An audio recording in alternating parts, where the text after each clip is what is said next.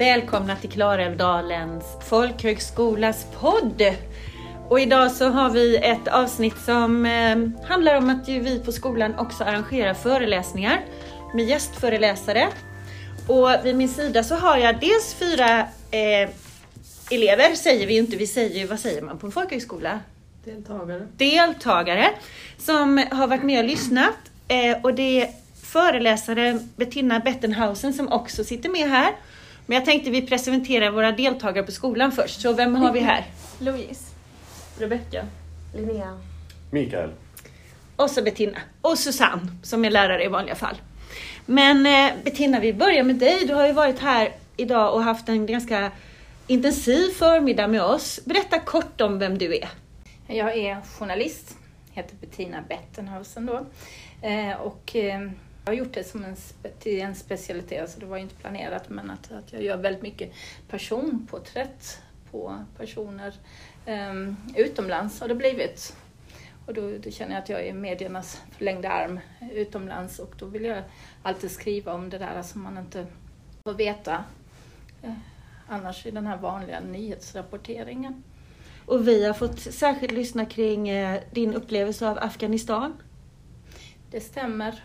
Och det är ett land som det var en ren slump att jag började åka dit av nyfikenhet och sen blev det en stor kärlek. Ehm, och jag drivs av att, att eh, berätta om hur saker och ting, alltså vad jag ser och vad jag upplever och eh, att man får den här lite djupare bilden av någonting. Så, så att det precis som att skriva en stor dagbok.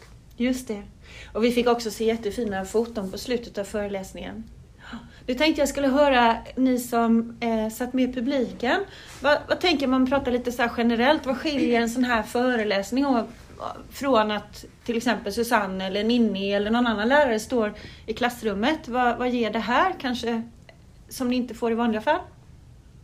Är det någon av er som har någon tanke om det? Att hon har varit där. Ja, Bettina har varit på plats. Det blir mer personligt. Ja.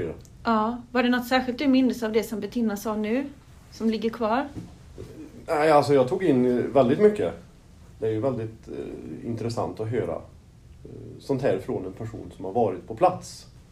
Nyheterna blir... Det hör man ju varje dag. Ja, man blir nästan lite, tycker jag, nästan lite så här som att det inte går in längre för att Ja. det bara har malt på i just Afghanistan då. Där vi har hört så mycket kaos och problem och bomber och talibaner och... Ja, vad säger ni andra?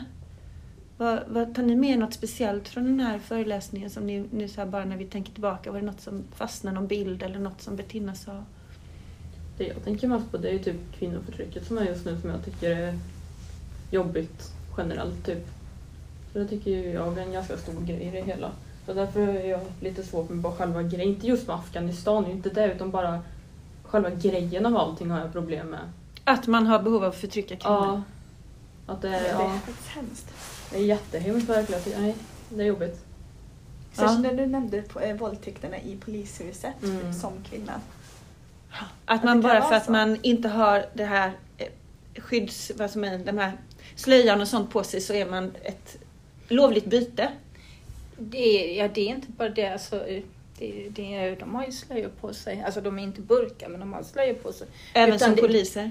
Det, det är ju, ja Ja. absolut, absolut. Det är, det, alla har slöjor på sig.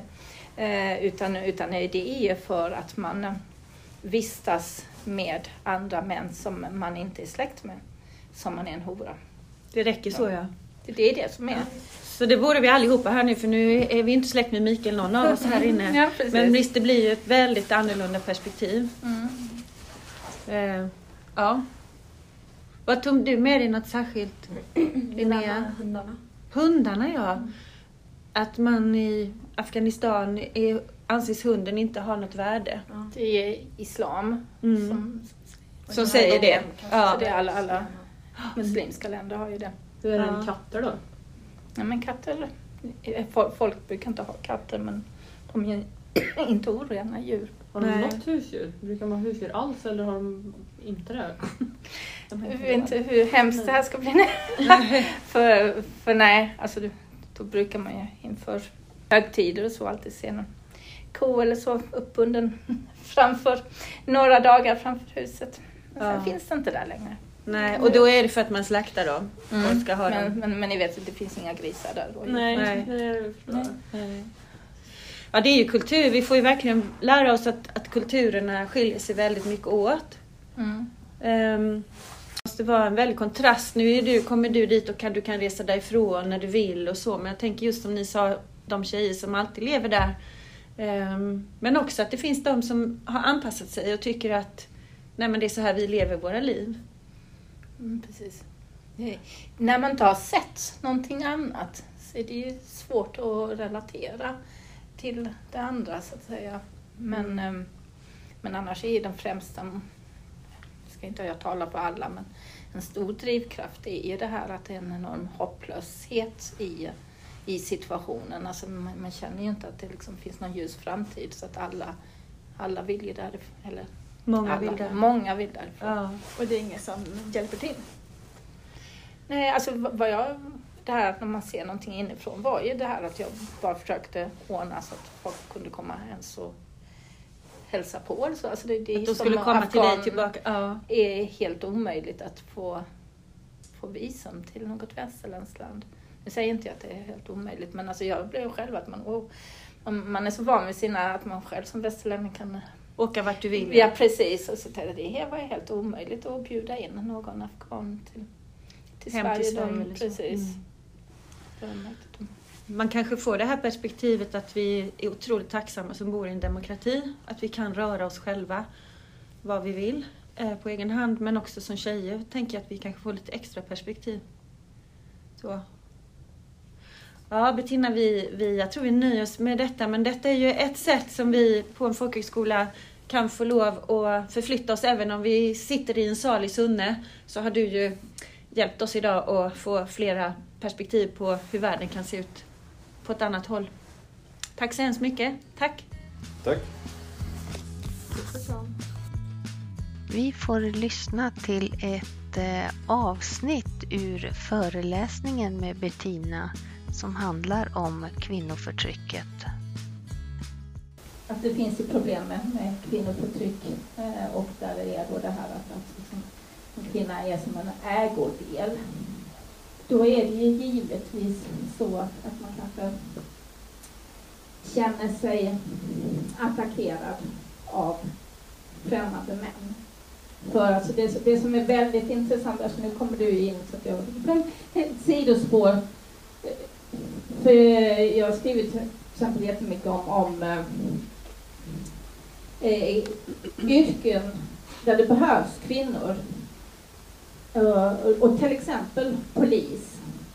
Så är det att, att um, en, en afghansk kvinna får ju inte vara ensam eller visa sig för någon man som inte eh, är hon inte är släkt med.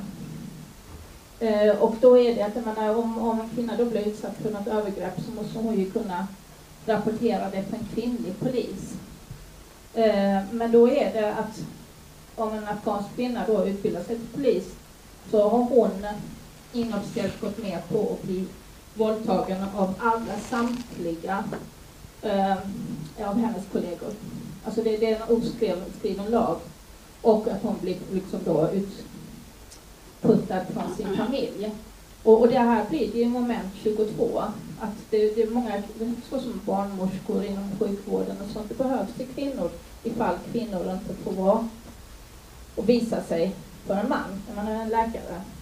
Eh, då behövs det kvinnor, men, men om då en kvinna blir, att då, det, det blir det här oskrivna att, att, att de är, de har vanhet att, alltså de, de är, är horor då.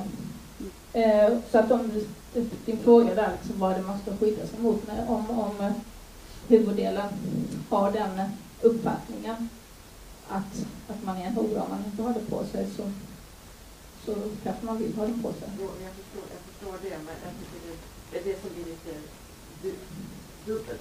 Ja, men det är det som är moment 22 och eh, där det är liksom att det nästan får bli någon slags generationssak. Att man får liksom tidigare i uppfostran sen då eh, nu har det ju landet precis tagit en helt motsatt vändning som ni vet. Eh, eh, så att vi får ju se hur det, hur det blir. För just för, för kvinnorna är det ju inte så fantastiskt just nu. Och, och jag ska bara säga så att ni, ni vet då liksom nivån på det att, att kvinnor sitter alltså i, för de får inte sitta liksom i en bil om det är någon annan man som då inte är hennes man liksom i bilen. Så de, de sitter ju i bagageluckan.